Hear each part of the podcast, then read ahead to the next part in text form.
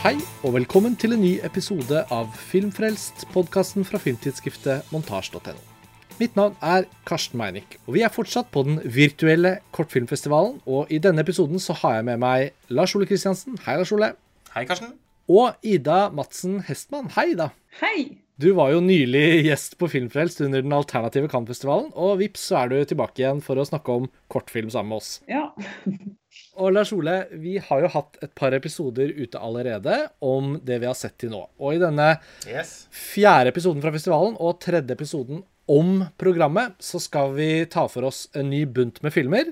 Og litt sånn i sentrum for denne samtalen så står det et litt sånn spesifikt tilfelle. Fordi det nevnes jo allerede i episoden der eh, jeg snakket med flere av de programansvarlige og de fra forhåndsjuryene som kunne stille opp, at det gjøres noen eh, strenge valg når det programmeres til Kortfilmfestivalen. Alle vet jo, eller De fleste vet jo at oppimot 300 kortfilmer som regel meldes på hvert år, og et lite utvalg av dem velges til å bli vist på Kortfilmfestivalen. Og da programmet ble offentliggjort, da skrev vi om det på montasje, men da la vi også merke til at eh, en rekke filmer vi hadde sett fra før av, var refusert til årets utgave. Og du bemerket deg spesielt én som manglet. Ja, eh, og det var eh, Marius Myrmels gnisninger. Og generelt så er jeg litt eh, provosert over at Kortfilmfestivalen for fjerde gang på rad refuserer en Myrmel-film. Han er i mine øyne kanskje den mest interessante eh, kortfilmskaperen eh, i Norge. Han lager jo så langt bare kortfilm. Han er eh, imponerende ung og har et talent eh, som jeg tenker at de fleste er misunnelige på. Han er en fantastisk skuespillinstruktør. Han lager alltid filmer om temaer som er eh, kompliserte, vanskelige å eh, fordype seg i. Eh, ting det er vanskelig å erfare, ting det er vanskelig å snakke om, bli enige om. Eh, han er modig, og han er grundig, og jeg syns alltid det er veldig givende å se en ny Myrmel-film. Eh, For ordens skyld så må jeg også si at han er jo da en, en venn, og, og en jeg har hatt glede av å jobbe sammen med i, i flere sammenhenger. Og eh, sånn sett så er jeg jo litt inhabil, da, eh, når jeg da, eh, er, når jeg da eh, blir så indignert over at gnisninger har blitt eh, refusert av juryen. Eh, Men eh, jeg kommer til å stå på mitt, for jeg syns tross alt at det er en eh, liten skandale, da. Eh, særlig når eh, man eh, oppdager at eh, årsaken til at den er valgt bort, eh, sannsynligvis er at det finnes en annen film med veldig beslektet tematikk, som bare dessverre ikke er i nærheten av å være like god. Og det skal vi komme tilbake til nå som vi går inn i materien her. Men jeg kan jo også skyte inn at selv om du ryddig nok øh, redegjør for at du har et element av inhabilitet øh, i dette, så har jo øh, Myrmels talent blitt bekreftet av høyst utenforstående institusjoner. Han vant jo bl.a. en Amanda for beste kortfilm for 'Frysninger'. Og jeg eh, er rimelig utenforstående selv, vil jeg si, og jeg kan bare skrive under på veldig mye av det du sa. Jeg har sett de fleste kortfilmene hans, eh, og jeg syns det er veldig mye spennende der. Så når det er sagt, så tenker jeg jo at mange kortfilmskapere i Norge har jo opplevd å bli refusert av Kortfilmfestivalen. Og det er eh, dessverre sånn at Kortfilmfestivalen forblir jo en veldig sånn enerådende portvokter når det kommer til akkurat dette med kortfilm og synlighet mot eh, aktører som kan hjelpe deg videre i karrieren. Det er nå engang sånn at Kortfilmfestivalen forblir den viktigste arenaen for uetablerte filmskapere. Og dette med en refusjon eh, av en kortfilm, det er eh, like sårt sikkert for Marius Myrmel i dette tilfellet, som for mange andre. Og dette tilfellet vi nå skal snakke om, blir jo da egentlig også en representasjon. Fordi det er jo mange andre filmer som sikkert er refusert, som vi ikke vet om. Som vi ikke har hatt anledning til å se. Naturligvis. Men gnisninger til Myrmel ble i november 2019 forhåndsvist på et sånt DKS-seminar i Drammen som jeg var på. Der fikk jeg anledning til å se den. Og uh, Ida og Lars Ole, begge dere har også sett filmen. Og dermed tenker vi at det er ryddig å bruke den i denne episoden til å illustrere en problematikk. Og ikke minst illustrere tematikken i den faktiske filmen, som det da fins en speilfilm av i programmet. Og det er en film som heter Poison, som er regissert av Sebastian Lagerquist. Så vi skal, eh, ja, vi skal snakke om begge disse filmene, og vi skal snakke om problematikken rundt hvordan en forhåndsjury velger å programmere. Og de står inne for sitt valg, selvfølgelig, men eh, vi står jo fritt til å debattere det litt. Ida, nå har vi to mm. snakket ganske mye.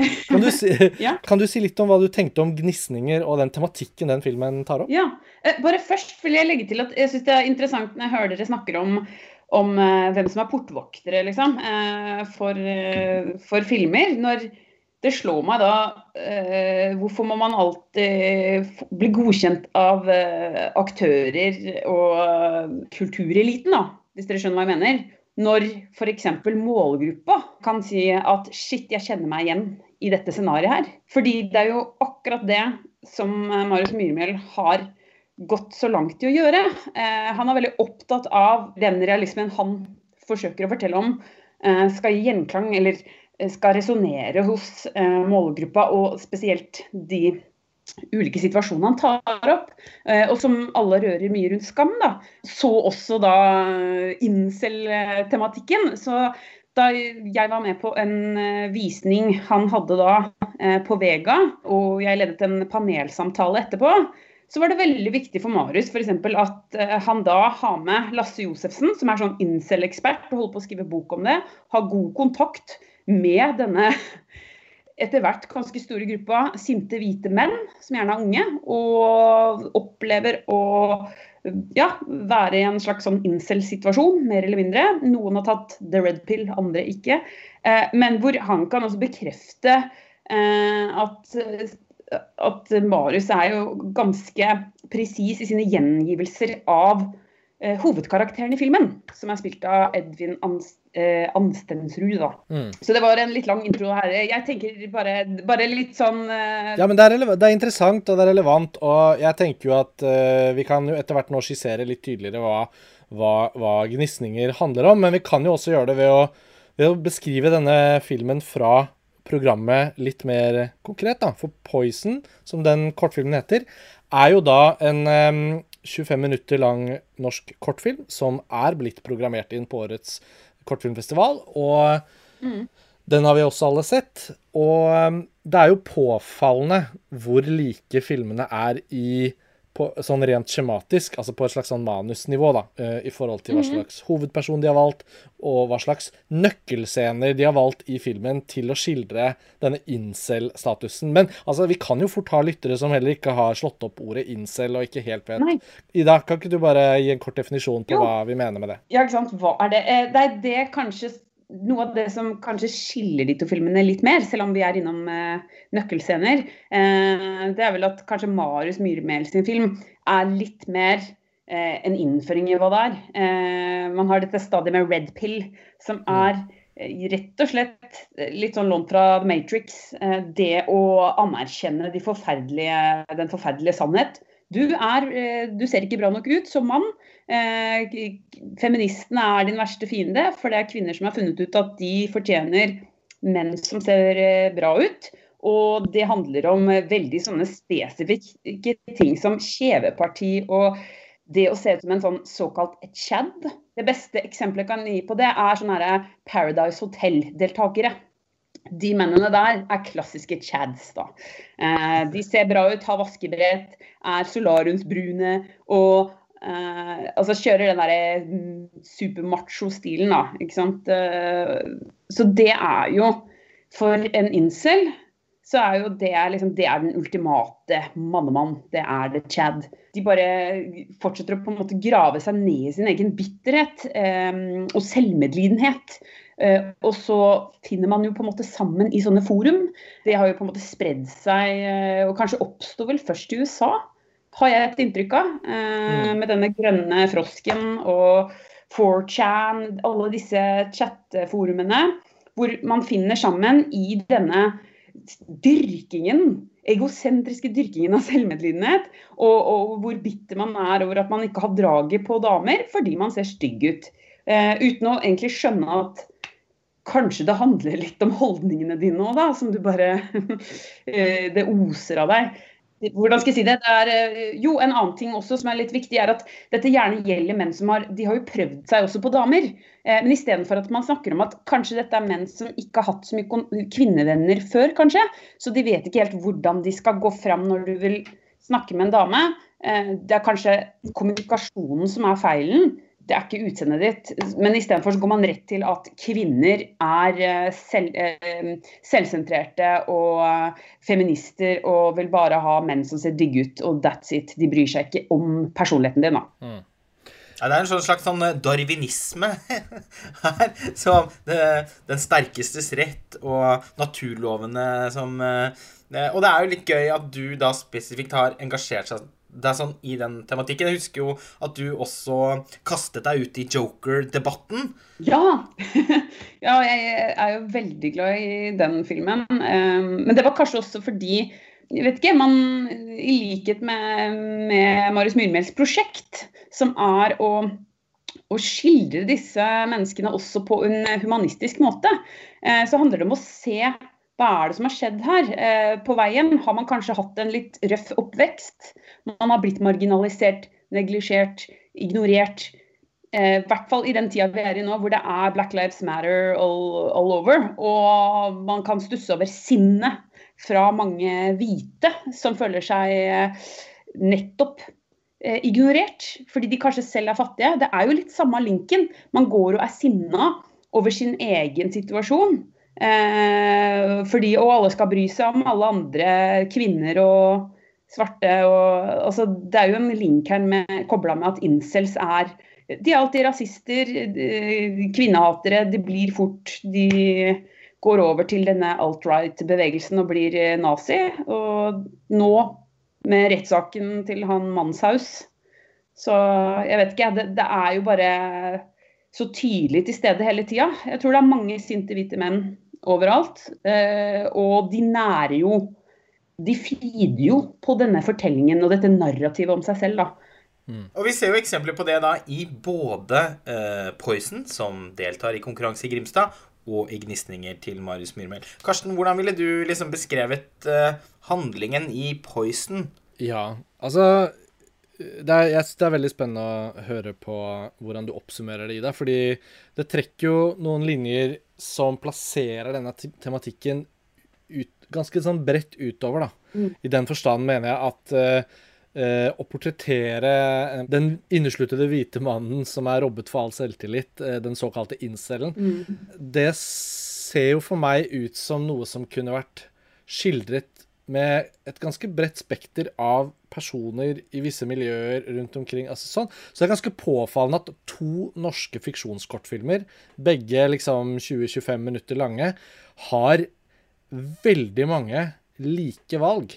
Altså, mm. det er, det er Skuespillerne som spiller hovedpersonen, ligner på hverandre. Eh, eksakt samme alder. Nøkkelscener er, er, like. Det er liksom scenen på, på diskoteket eller klubben hvor de står separert fra dansende jenter i utelivsbekledning. Eh, og det, mm. det er liksom så mange nøkkelting i filmene som er ekstremt likt. Det var helt påfallende for meg. Jeg ble liksom litt sånn Er det mulig? Det var, det var, et utrolig sammentreff. Når det er sagt. Handlingen i Poison føler jeg ikke er like interessant å ramse opp fordi den er ganske sammenfallende med gnisninger, som fortellermåten. Um, mm. Det jeg føler er relevant å si om Poison i første omgang, det er at det er en veldig profesjonell eh, solid finansiert norsk kortfilm. Man kan kjenne igjen den typen. Um, hvis man gjør bitte litt research, eller vet det fra før av, så ser man at regissøren og mange av de involverte har gått på den norske filmskolen. Mm. De er eh, nyutdannede. Uh, de er faglig veldig kompetente. De har på en måte veldig mye av den derre på en bra, på for så vidt en bra måte, da, skoleflinke, solide kompetansen innabords til å kunne sette opp et sånt profesjonelt filmunivers. og, det, mm. og det, det, er jo dessverre litt en av svakhetene i Poison også, da. Eh, fordi denne unge hvite mannen som ikke kommer i kontakt med kvinner, som er hovedpersonen i begge filmene I Poison så er han skildret i et jevnt over liksom estetisk tilfredsstillende eh, filmunivers.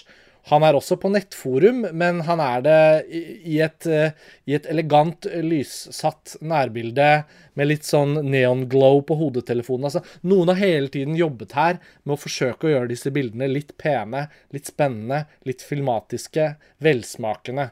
Underforstått mener jo jeg at hovedpersonen i Poison ved hjelp av det profesjonelle filmspråket ikke fremstår så nitrist og tragisk og taperaktig som han føler seg. Og eh, Det handler noe om strukturen i filmen men det kan vi kanskje gå inn på litt mer etter hvert. Jeg har notert meg noen innspill til det. Mm. Han er en hovedperson i en fiksjonsfilm som vi i større grad må liksom jobbe med å gjøre til en trist fyr. Og eh, nå, nå, er jo ikke da gnisninger på kortfilmfestivalen, så når vi snakker om den kortfilmen, så er jo ikke den øyeblikkelig tilgjengelig for lytterne, så det, får bare, dere får bare ta vårt ord for det. Men det motsatte i gnisninger som gjøres fortellermessig, er at vi slynges rett inn i en veldig sånn stygg, uappetittlig, vond verden, hvor hovedpersonen, som er ekstremt lik hovedpersonen i Poison rent sånn skjematisk, fremstår helt sånn umiddelbart tragisk. Det starter jo med at han sitter og runker til en pornofilm. Det var nettopp det jeg skulle frem til. At, ja. at strukturen ja. i, i gnisninger kaster oss rett inn. Sånn at vi tilbringer såpass mange minutter med hovedpersonen i det absolutt liksom mest ydmykende, private. Og han er rett på nettforumene, og han er rett i foredragene på YouTube. og vi får liksom satt opp hele hans da selverklærte incel-tilværelse før han er ute i verden og liksom treffer noen. Og da er vi allerede klar over at han er helt på skeive. Eh, I Poison så er strukturen sånn at den første sekvensen i filmen den er med hovedpersonen ute på et utested. Han jobber på, i, i, oppvasken eh, på en klubb, og han har sånn kul sånn Han setter opp håret litt sånn kult, litt sånn langt. Hva heter det? Sånn en manbun? Ja, manbun. Ja. Litt sånn hip manbun. Og, og nok en gang disse velfotograferte bildene med, med gjev lyssetting. Så det tar mange minutter av filmen før vi på en måte i bildene kan tro på. For det er film vi snakker om, ikke sant? Bildene mm. viser oss ikke at han er en spesielt tragisk figur. Uh, han har et veldig mislykket forsøk på å flørte med en jente uh, som skal bomme en sigg. Og så uh, Jeg noterte meg at det tar over fem minutter før vi da kommer til dette incel-etablerende nettforedraget som også denne filmen har, da. Nå fikk jeg snakke lenge her, men det er liksom den grunnleggende hovedinnvendingen min mot Poison når man har en så ekstremt lik film å sammenligne med. Da. Hadde ikke Gnisninger mm. eksistert, så er det ikke sikkert jeg hadde tenkt så mye på de samme tingene, men jeg tror jeg likevel ville slått meg til ro med at Poison er en sånn klassisk, velprodusert, vellaget 25 minutters norsk kortfilm som eh, ikke skrubber deg mot huden, ikke får deg til å føle deg provosert eller engasjert, men den flyter av gårde på en ganske grei eh, måte. Selv om jeg vil, si, jeg vil innvende at jeg syns han Arthur Hakalati, hvis jeg uttalte det riktig, han som spiller hovedkarakteren, eh, han har jo en hovedrolle også i hva er det forrige filmen eh, til han Sebastian Lagerquist, 'Boy Gets Eaten'? Ja, eksamensfilmer fra filmskolen som både regissøren, klipperen, fotografen, veldig mange av de samme folka har jobbet på, og hovedpersonen. Jeg vil bare si, jeg syns jo spillet hans er godt. Jeg har jo sett han flere ganger. Og jeg syns han er altså, flink i hva skal man si, ansiktsmimikken og sånn, til, til, å få fram den derre Sånn som når han blir litt sånn ufyselig, da.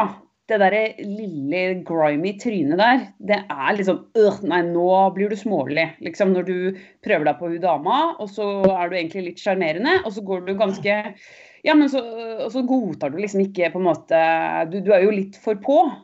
Han går liksom veldig Jeg syns han er flink til å spille der fra å være liksom litt sånn uh, Virker ganske OK fyr, til Jeg tror liksom på det når han blir den derre stakka Går rett i å være litt sånn ekkel og stakkarslig og, Ja, jeg, jeg syns jo det. Og, og samme i den Boy Gets Eaten. Det handler litt om samme tematikk. Uh, en en fyr som man skjønner har blitt eh, misbrukt seksuelt. Ikke sant? Hallo, samme Når vi snakker om paralleller mellom regissører her. Um, bare et løs litt i magisk realisme, da. Eh, men, men en, annen, en fyr her sliter jo med å klare å skulle ha sex og debutere. Det er jo det den filmen handler om. Men jeg syns han spiller veldig godt eh, i, i, å fremkalle emosjoner i, i, fjeset, som jeg tror på, da. Og Jeg hadde ingen innvendinger mot skuespilleren, bare for å ha det sagt. Jeg syns også han gjør en solid jobb. Eh, men det er jo utrolig, som du sier, at eksamensfilmen til Lagerkvist eh, som du refererte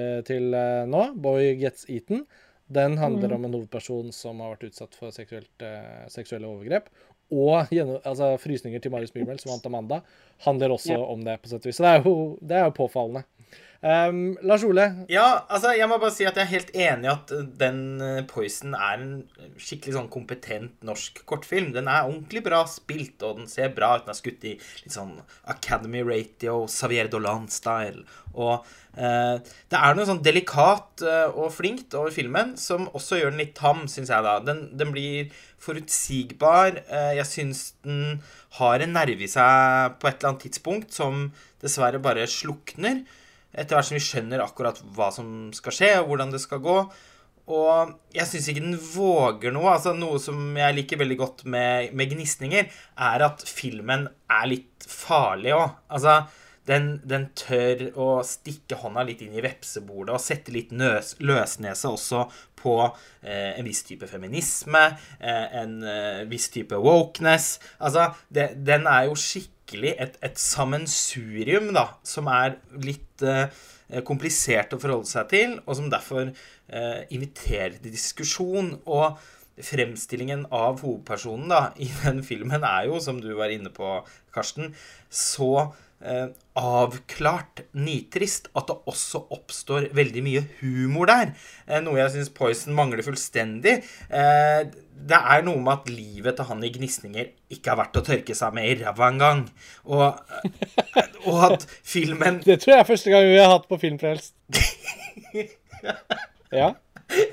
Men det var en god språklig metafor, ja. Jo, men altså Jeg vet ikke om noe annen penere måte å si det på. Ja, men det, for det er så Den selvmordsaktige sokkelleiligheten, den brune maten, den, den fete huden Ja, det er bare så utrolig brunt og, og grått og, og, og fælt og nitrist.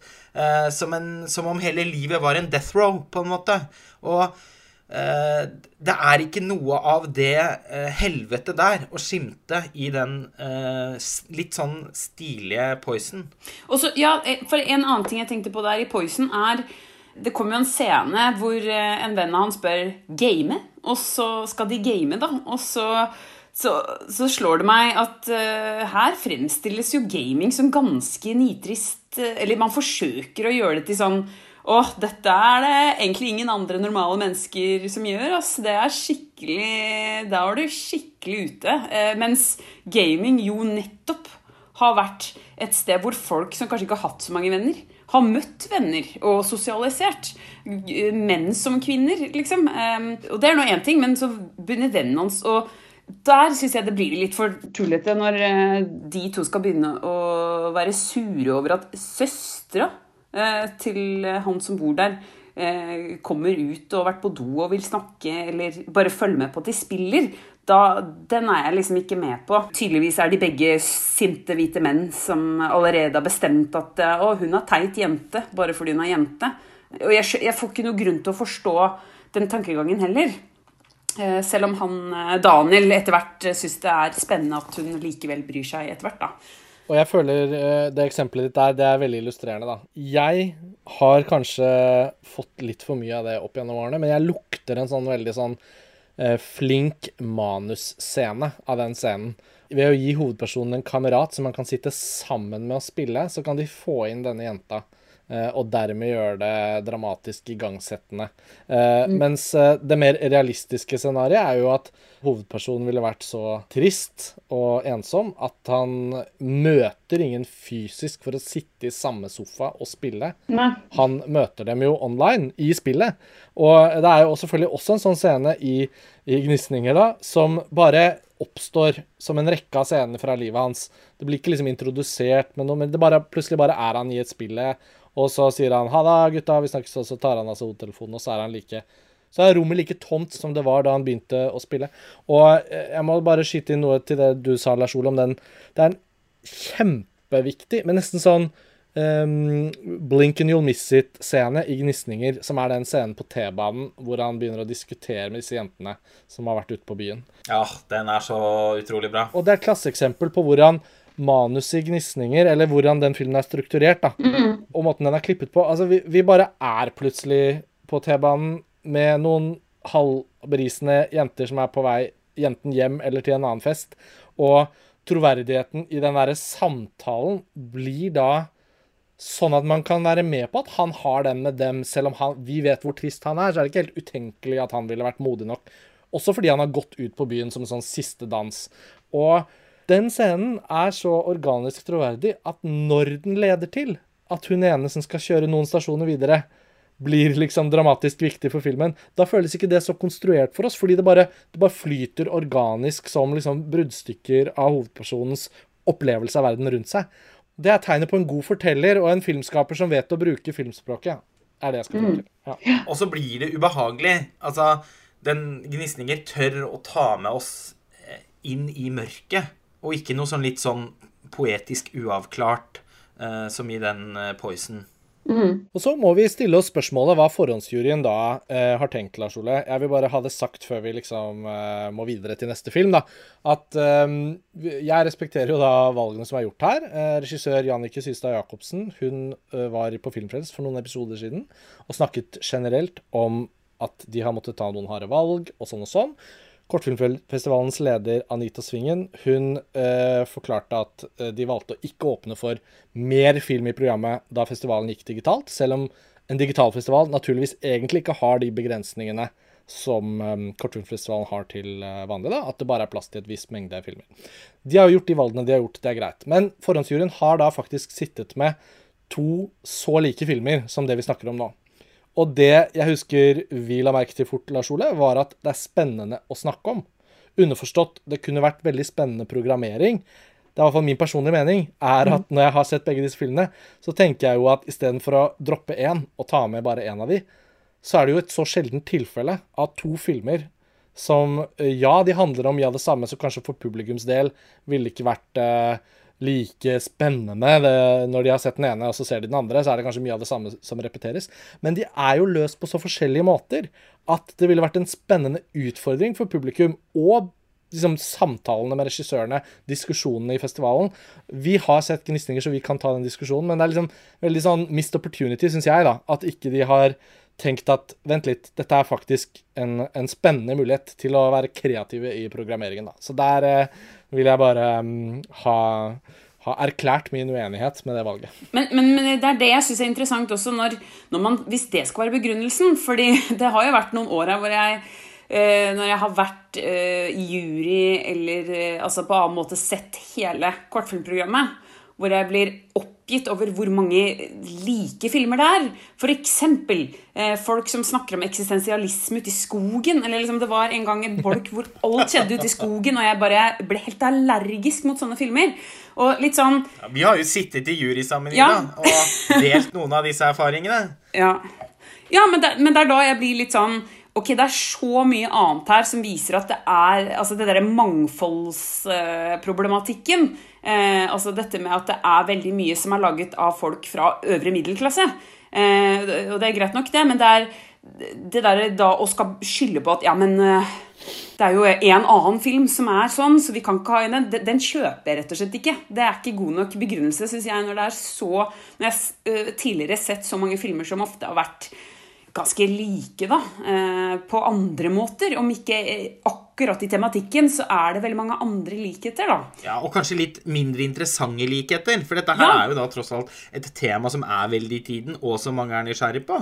Ja, nettopp. Det er, det. det er jo så Når ting er så relevant for den, hva skal man si, den offentlige debatten og for eh, politikken, for jeg vet ikke, de store spørsmålene, holdt jeg på å si, det som burde det vi burde på en måte bekymre oss over også, eh, og diskutere, det som er relevant, da, så tenker jeg det er liksom ja, da, da, lurer jeg litt på hvordan man tenker. Da er man kanskje litt i en boble, da. Sorry at jeg sier det. Ja, men jeg er helt enig. Her hadde Grimstad en gyllen mulighet til å ha et litt interessant fokus, som de også kanskje kunne lagd noe rundt. Uh, det er jo masse panelsamtaler og sånn. Hvorfor var ikke dette noe eventuelt lage en uh, panelsamtale om? jeg syns i alle fall at at det er veldig synd at, at Grimstad-publikummet ikke får se den gnisninger. det hadde vært veldig interessant å se filmene ved siden av hverandre. Men når det først da liksom skulle velges én, så syns jeg jo at det er for meg eh, ingen tvil da om at de har valgt feil film. Da. Forhåndsjuryen har kommet med en uttalelse om årets program, men der er de selvfølgelig ikke konkrete på, på hvilke filmer som er valgt fremfor med hva, osv. osv. Eh, og mm. som, som, nevnt så har vi jo da besøk av forhåndsjuryen for noen episoder siden som snakker sånn generelt om arbeidet. Um, men det de sier i uttalelsen, bare kort for å ha det sagt her i episoden, da, så sier de i første avsnitt at vårt mandat har vært å se etter kvalitet kvalitet, originalitet, nyskapning, kommunikasjonsevne, mangfold og bredde. Vi har tatt høyde for ulike uttrykksformer i tematikk og sjanger, og vi har tatt hensyn til debuterende, samtidig som vi har ivaretatt kontinuiteten til etablerte filmskapere. Uh, og flere steder Nå skal jeg bare parafrasere litt, men det er jo på en måte en veldig sånn tydelig et tydelig signal om at de har ønsket liksom å representere godt. Uh, av regissøren er det nesten jevn fordeling av kvinner og menn. Som, uh, også Uh, ser de at post metoo så har de fått uh, tematisk mange filmer som er frittalende om kjønnsroller og kjønn osv. Hvis vi snakker om kjønnsroller og kjønn, det er jo dette det handler om. Incel-tematikk. Ja, ja da, men, men de har jo da filmen 'Poison', som da i hermetegn representerer dette. og og nå kan jo ingen av oss snakke på vegne av forhåndsjuryen eller festivalen, men uh, ut ifra hva vi har forstått, og ut ifra hvordan vi ser denne saken, så virker det veldig sannsynlig at uh, man ikke har ønsket å ha to filmer som er så like tematisk. Uh, men uh, det er jo selvfølgelig opp til hvis et, Men hvis det er et mandat at Kortfilmfestivalen skal at, Og at forhåndsjuryen da helst skal ivareta de som allerede på en måte er etablert, da og, og, tydelig liksom på vei mot noe, så syns jeg også da det er ganske problematisk at Myrmel da som sagt for fjerde gang blir refusert.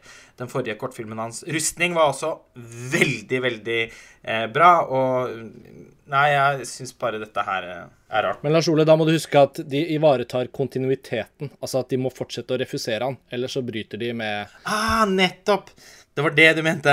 Litt galgenhumor der på slutten. Men OK, ja. vi, vi, får kanskje oppsummere med å si da at uh, for den nysgjerrige lytter så vil det jo etter hvert komme anledninger til å se denne gnisninger av Marius Myrmel, garantert. Den har egentlig bare hatt en, en vanlig Oslo-premiere, som mange kortfilmer har. Og så var den jo da påmeldt til Grimstad. Uh, men den blir jo da helt sikkert å se og finne på en annen festival senere, og etter hvert der hvor kortfilm distribueres. Så er det sagt. Og kortfilmen 'Poison', som vi da også har snakket om, den er i det norske konkurranseprogrammet i Grimstad. Eller på Kortfilmfestivalen, som vi nå må si. Den digitale kortfilmfestivalen. Og den er for, for all del verdt uh, å se. Ja. La oss gå videre til neste film. Vi skal over til noe helt annet. Regissøren Rikke Gregersen gjorde seg bemerket med en eksamensfilm fra Westerdals som vel gikk helt til student-Oscar-utdelingen. Eh, Lars Ole, den har du sett? Eh, ja, De hensynsløse. Den eh, vant student-Oscar. Var i alle fall også nominert til eh, student-BAFTA.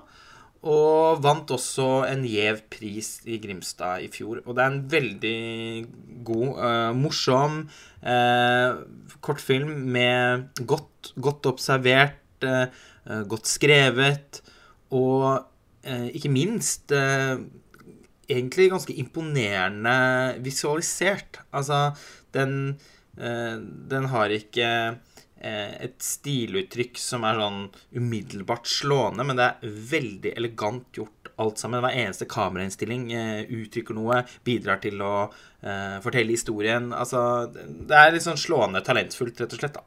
Ja, jeg fikk veldig lyst til å se den, og googlet, for jeg har sett denne nye filmen hennes, De berørte, The Affected, som er i programmet i år. Den så jeg i dag, og jeg ble veldig nysgjerrig på den forrige filmen hennes. Og med litt googling så har jeg funnet ut at den er på Vimeo. Så jeg skal gå og se den. Men jeg har altså ikke sett den nå. Men Ida, du har også sett mm. De berørte. Hva slags film er dette, da? Sånn Apropos De hensynsløse, den har jo jeg også sett. Um, så så syns jeg det er noen uh, Selvfølgelig, kan man kanskje si, siden det er den samme regissøren. Uh, likhetstrekk i sånn som at introen er ganske lik, og litt sånn smått dramatisk. Og veldig sånn humoristisk snert som, som jeg liker veldig godt. da. Uh, og litt sånn mørk humor, kanskje, eh, som harselerer kanskje med eh, Ikke kanskje, den harselerer med eh, litt sånn det norske privilegiet, kanskje. Det hvite middelklassefolk som sutrer over sin tilværelse.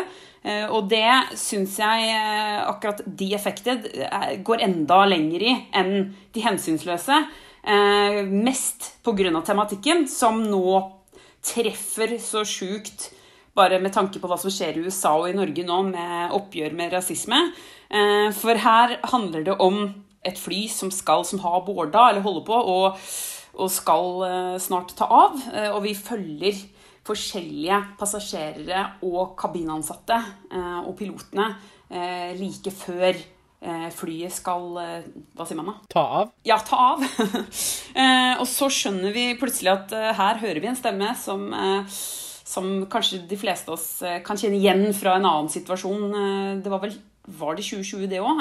Hvor en en eh, kvinne eh, nektet å, å, sette seg eh, og bli stående i flyet. Nektet å gjøre noe før en annen passasjer fikk gå ut av flyet. Og det var da en, en flyktning som skulle bli sendt tilbake. Her skjer på en måte det samme.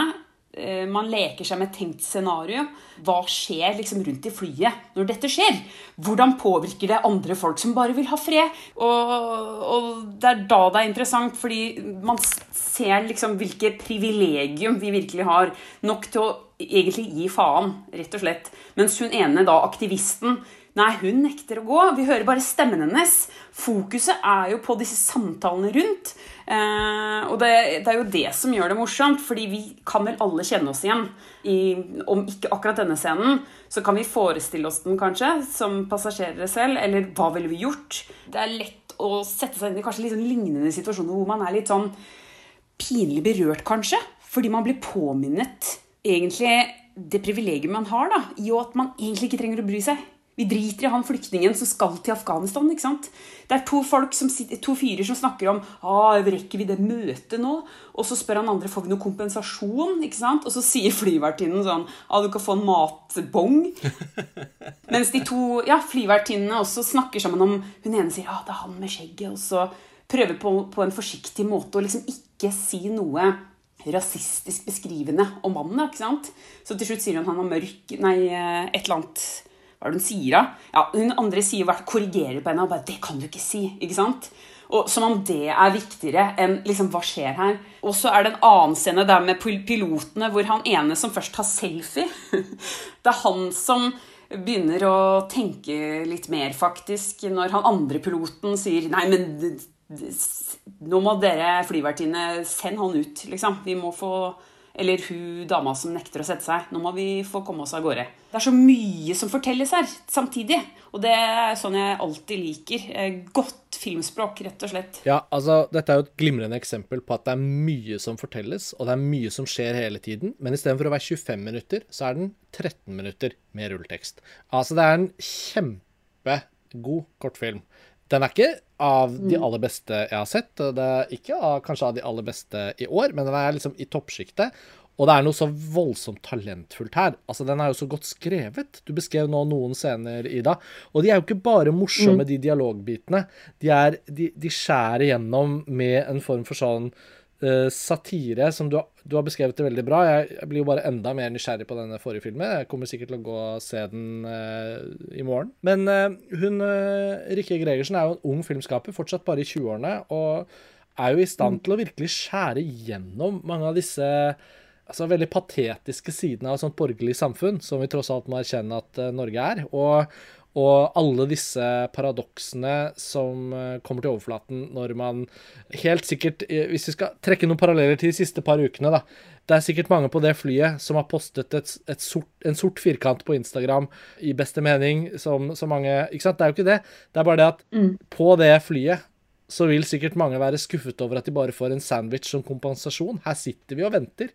Altså den derre ja. berettigelsen man har over å være offer, når det da ti rader ned er en person som er på vei til å bli sendt tilbake til et krigsherjet land som han uh, kanskje har reist 4000 km på tvers av kloden for å unnslippe.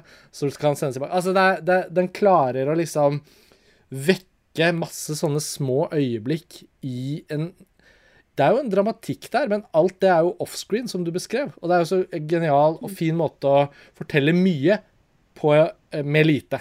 Så sånn sett så utfyller den jo kortfilmformatets liksom, potensial også. Jeg liker bare veldig godt hvordan man bare setter ulike personlige problemer opp mot hverandre, da. Det er jo noen karbonkvoter og sånt også der som blir trukket Ja, og apropos, apropos det, da. Det kjæresteparet der. For det er, han sitter og snakker om det i starten. Og så til slutt så sier jo han til kjæresten sin eh, Å, det hadde vært så flaut hvis det var deg som sto der og nekta å sette deg, liksom.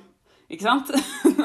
At eh, Det er jo den der òg. At jeg syns det er veldig fint eh, Jeg elsker å se det. At hun Rikke Gregersen bare Hun tar fram det som er litt sånn tabubelagt. At vi, ikke sant, typisk nordmenn, og egentlig blir litt flau når andre engasjerer seg veldig mye. Man, man vil jo helst bare Man er jo mer konfliktsky, ikke sant. Man sitter heller og kanskje filmer litt. Eh, og, og, og kanskje syns det er heller forstyrrende når noen lager masse bråk, ikke sant? Jeg syns også da det er litt sånn fint at hun skildrer den konfliktskyheten på en ikke for insisterende, konfronterende eller pinlig måte. Det er klart, vi er jo litt i Ruben Østlund-land her. Eh, Og jeg har i lang tid irritert meg over eh, norske kortfilmskapere som kanaliserer Ruben Østlund og lager sånne Ruben Østlund-scener, bare ikke like bra. Minnes du den Fun Factory som vi så på Biff i fjor høst? Yes. Den rinner meg i hu nå som vi er inne på dette temaet. Den var veldig sånn en Østlund-scene. Da husker jeg postulerte Jeg vil aldri mer se en Ruben Østlund-inspirert norsk kortfilm. Men eh, nå, nå vil jeg det kanskje likevel, fordi når det er gjort på denne måten, eh, så har det, har det en verdi. Fordi det tross alt ikke er noen Ruben Østlund-pastisj. Det er som sagt Vi er eh, i noenlunde samme landskap, som jeg sa.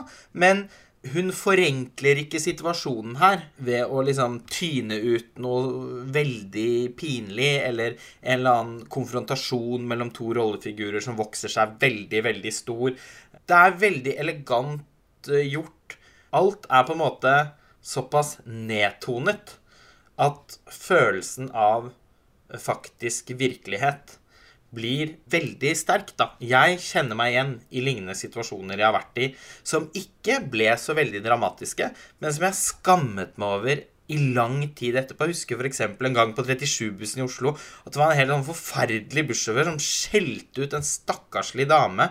Eh, helt uten grunn.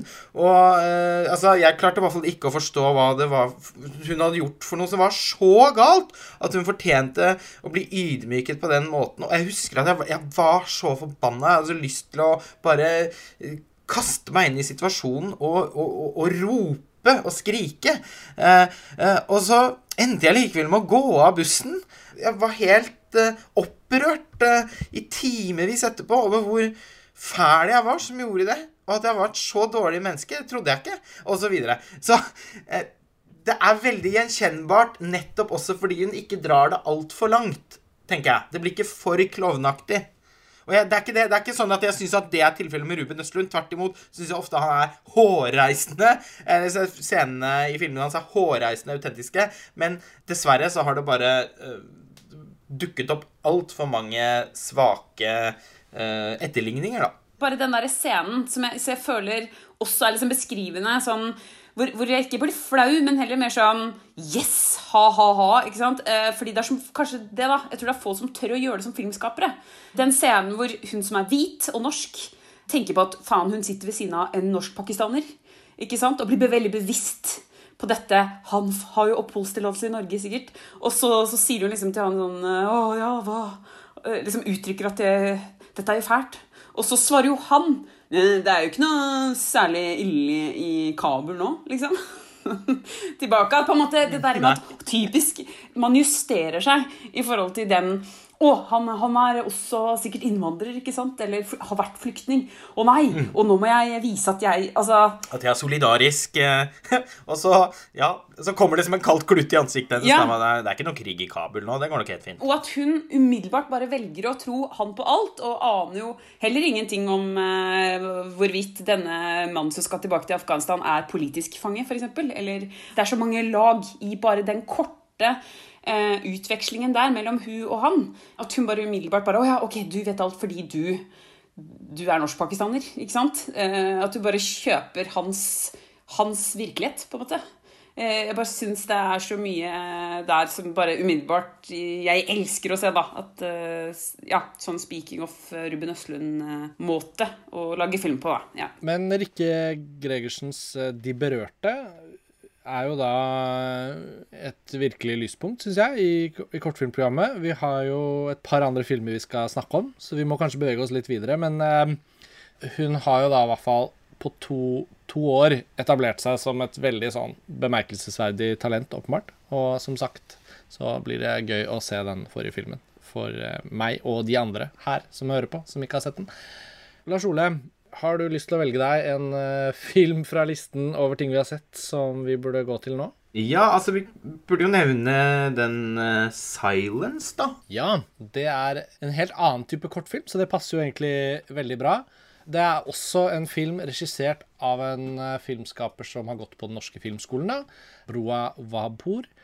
Og filmen utspiller seg i irakisk Kurdistan, tror jeg. Og den handler om en ni år gammel jente som har blitt døv. Hun har mistet uh, hørselen, og hvordan hun håndterer denne situasjonen. Og familien og livet rundt henne på skolen osv.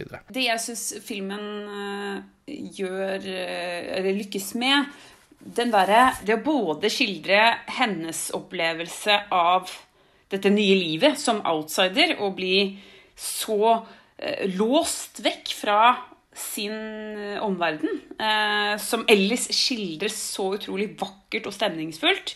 Men også det at jeg føler jeg, jeg også tar det perspektivet som andre har om henne. Den der litt sånn latterliggjøringen av henne, at hun er en raring og Særlig gjennom lydbildet og ja, eh, dette klasseromsvinduet som vi ser så mye, hvor hun står på utsiden der og ser inn og at hun løper rundt og er sinna. Eh, liksom, jeg skjønner så godt eh, hennes situasjon, selv om jeg egentlig ikke gjør det. ikke sant? og så må jeg si at eh, jeg faktisk så den uten å lese om hva den handlet om først. Mm. Og da tok det litt tid faktisk før jeg skjønte Før jeg kom til den spisescenen hvor lyden er sånn ikke muta, men den er Den er subjektiv, sånn at vi skjønner at hun Ja, for det er jo først litt der at jeg skjønner, altså også opplever hennes subjektive hørsel, selv om kanskje hun egentlig ikke hører det heller. Uh, hvor jeg på en måte begynner å skjønne noe. Men jeg syns jo det noen ganger er fint også. Å, se hvor, hvor, lang tid det tar før jeg skjønner hva det handler om. Uh, uten å trenge å lese hva en film handler om først. da, Som er i hvert fall det jeg har ofte gjort på en kortfilmfestival-bolk. da, du går inn i et mørkt rom, og så kommer det masse filmer til deg. Uten at du vet noe. Så det syns jo jeg var eh, interessant også. Eh, å se den først uten å lese hva den handlet om, og så se den på nytt. Eh, etter jeg leste om den. Jeg kjenner meg veldig igjen i din beskrivelse, Ida. Fordi at det er på en måte ikke helt noen historie som går, beveger seg fra et sted til et annet her. Det er som om hele filmen til dels er konstruert litt som en simulator, egentlig. At vi skal få oppleve veldig sterkt hvordan det er å være den jenta. Og samtidig oppleve hvordan det er å være de som er i hennes nærhet. Og det syns jeg er veldig kult, at filmen velger å vise hvordan hun også faktisk kan framstå irriterende, da med sine høye smattelyder og litt sånn hensynsløse, eh, aggressive fremferd. Og hun er jo litt en sånn skikkelig rampunge òg, på en eller annen måte. Så, eh, og det syns jeg er fint, da, at det ikke blir sånn der Å, så trist med hun jenta som ikke kunne høre. Er ikke, hun er liksom en tydelig sterk eh, karakter, og filmen er innmari vakker. Det ser ut som den er skutt på 35 mm, og det er veldig mye sånn vakker vakker visuell historiefortelling og veldig slående bildekomposisjoner. Jeg satt faktisk eh, og, og, og tenkte på Abbas Kiarostami, Karsten. Det var noe med måten uh, han har valgt å plassere elementene i bildene på, som var veldig sånn aktiviserende for blikket, på en måte som jeg kan forbinde litt med Kiarostami. Mm. Nei, men jeg er enig, og jeg føler også at Vi har nevnt det i forskjellige argumentasjoner i løpet av episoden, da, men det er jo åpenbart en veldig sånn talentfull filmskaper vi har å gjøre med her. Jeg har sett et par av de andre kortfilmene han har laget. Når man har såpass mye filmspråklig ro som jeg opplever at han har, så tror jeg at det er et eh, kjempepotensial her som kan utnyttes. Um, og denne filmen er jo et veldig fint steg i hans kortfilmserie av kortfilmer, da. Den er behersket, får man si, og jeg syns det er på en Og det er positivt ment. Skulle nok ønske han kunne ta litt større sjanser, det, men det kommer han sikkert til å gjøre i fremtiden. Vi får uh, bevege oss videre hvis vi skal rekke å få nevnt noen flere av de kortfilmene vi har sett. Vi nærmer oss jo slutten på episoden, men hvis vi skulle løst trukket inn noen flere filmer Ida, er det noe annet du har sett som uh, som enten var hårreisende dårlig, som har blitt et begrep, eller som, uh, som gjorde inntrykk på noen måte? Det, det siste er jo altså, som jeg kan nevne som jeg har sett. 'Sult' da, av Kenneth Karlstad, som jeg fra før har vel som en litt sånn favoritt hva gjelder form og stil, eh, som jeg syns eh, er interessant. Og så er det jo Preben Hodneland som Det er akkurat som om du får sult i sånn Musikkvideoversjonen av uh, Hamsuns Sult. Litt sånn, Eller videokunst. Var det ikke noen forlag som begynte med sånn bokvideo for noen år siden?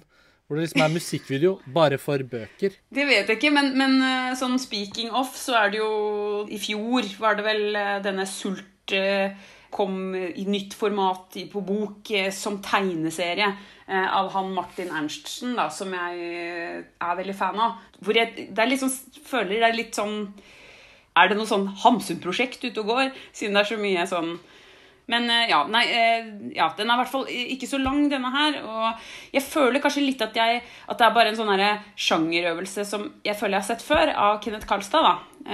Men det er jo, altså, det er jo godt gjort. Det er det jo i svart-hvitt. Og hun Julia Bakke Wiig som spiller hun som blir liksom denne fristende kvinnen som han driver og er sånn Apropos incel. Denne karakteren i Sult er jo litt sånn sånn type òg, da. Liksom lusker etter damen. Ja, han gjør jo det. Ylliali, er det ikke det hun heter? Ja, ja. Det er det hun heter. Ylli-Ali, ja. Ja, dette er så sant som det er sagt. Nei, altså, Filmen er jo kjempestilig. Ja. Kenneth Karlstad han har jo veldig god smak. Og, og er en fremragende musikkvideoregissør, og har laget en helt strålende kortfilm som heter 'Gutten er sulten'. Han kommer til å lage en veldig fet spillefilm en dag, tror jeg. Men jeg er jo enig med deg også, Ida, at denne her da tross alt er litt en sånn øvelse Eller altså jeg, Når det er sagt, jeg ble sulten på mer. Ja. Fordi det var liksom De fire minuttene gjorde jo at det ble litt en sånn en diktvideo. Det føltes nesten også som en sånn Som en trailer til til noe til, til, et større prosjekt. Det, mm. det, er jo vel verdt å sjekke ut disse fire minuttene. Det tror jeg alle kan koste på seg, for det er jo så, så lekkert gjort og sånn. Men, men, ja, jeg ble jo kanskje Jeg ble ikke mett på, på, en måte. Men det var vel ikke meningen heller. Kenneth Karlstad gjør jo veldig mye forskjellig. Eh, og det er derfor jeg, jeg, begynte å lure litt, siden han lagde video med Preben Honneland, og jeg så da Riksteatret, som vel også sto her. Eh, de har vel gjort noen sånne videoløsninger med teater som jeg tror ligger ute. Men det det Jeg har jo også nylig anmeldt Kenneth har jo laget også hatt regi på i hvert fall to av de konsertvideoene eh, til et helt annet sted, som har eh, kommet i gang etter koronapandemien. Ja, og det er skikkelig kult gjort, og veldig tydelig sånn spillestetikk, da. Eh, som, der han går mer i den derre Altså utforsker den derre veldig macho-estetikken, da, som jeg føler er veldig sånn varemerke for Karlstad. Da. og utrolig kult løst.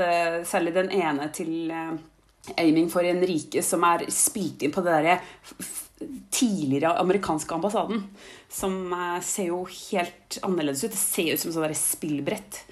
Så det er kjempekult estetikk, da, syns jeg. Ja, det fikk jeg skikkelig lyst til å se. For ordens skyld kan det jo da nevnes at eh, vår kollega Karsten Meinick eh, har klippet 'Den gutten er sulten', som jeg skrøt av i stad. Ja, når du refererte til den, så tenkte jeg hva, hva sier jeg nå? Dette ble veldig sånn rart. ja. Jeg har ikke så voldsomt mye å si om sult utover det dere har beskrevet. Og sånn som jeg har forstått det, så har vel han også Han har vel også jobbet med dette materialet som en del av videoillustrasjonene til en forestilling, har han ikke det? Jo, men det var det jeg lurte på. Ja, Det er sånn jeg har forstått det, men nå ble jeg usikker. Men uansett, det er som du sa, Lars Ole, så presist. Det koster lite å gå inn og se denne filmen på fire minutter hvis man er inne på Kortfilmfestivalen. Og det er gjeve fire minutter, selv om man blir eh, sulten på mer. Apropos sult, eh, så kan jeg veldig kort nevne en eh, film jeg syns var artig. Eh, Westerdalseksamensfilmen 'Downs of the Dead', eh, som også vinner prisen for festivalens beste tittel.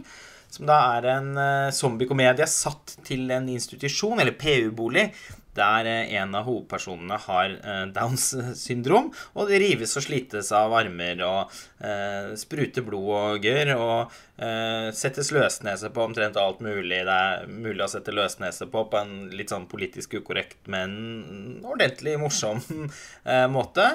Eh, og filmen har flere litt sånn overraskende vendinger underveis som jeg har satt eh, pris på. Den er verdt å sjekke ut for underholdningens skyld. Ja, men Den høres jo kjempemorsom ut, Lars Ole. Jeg har ikke fått sett den ennå, men jeg, jeg har merket meg tittelen. Beste tittel, 'Downs of the Dead'. Verste tittel, 'Kundebeskjed'.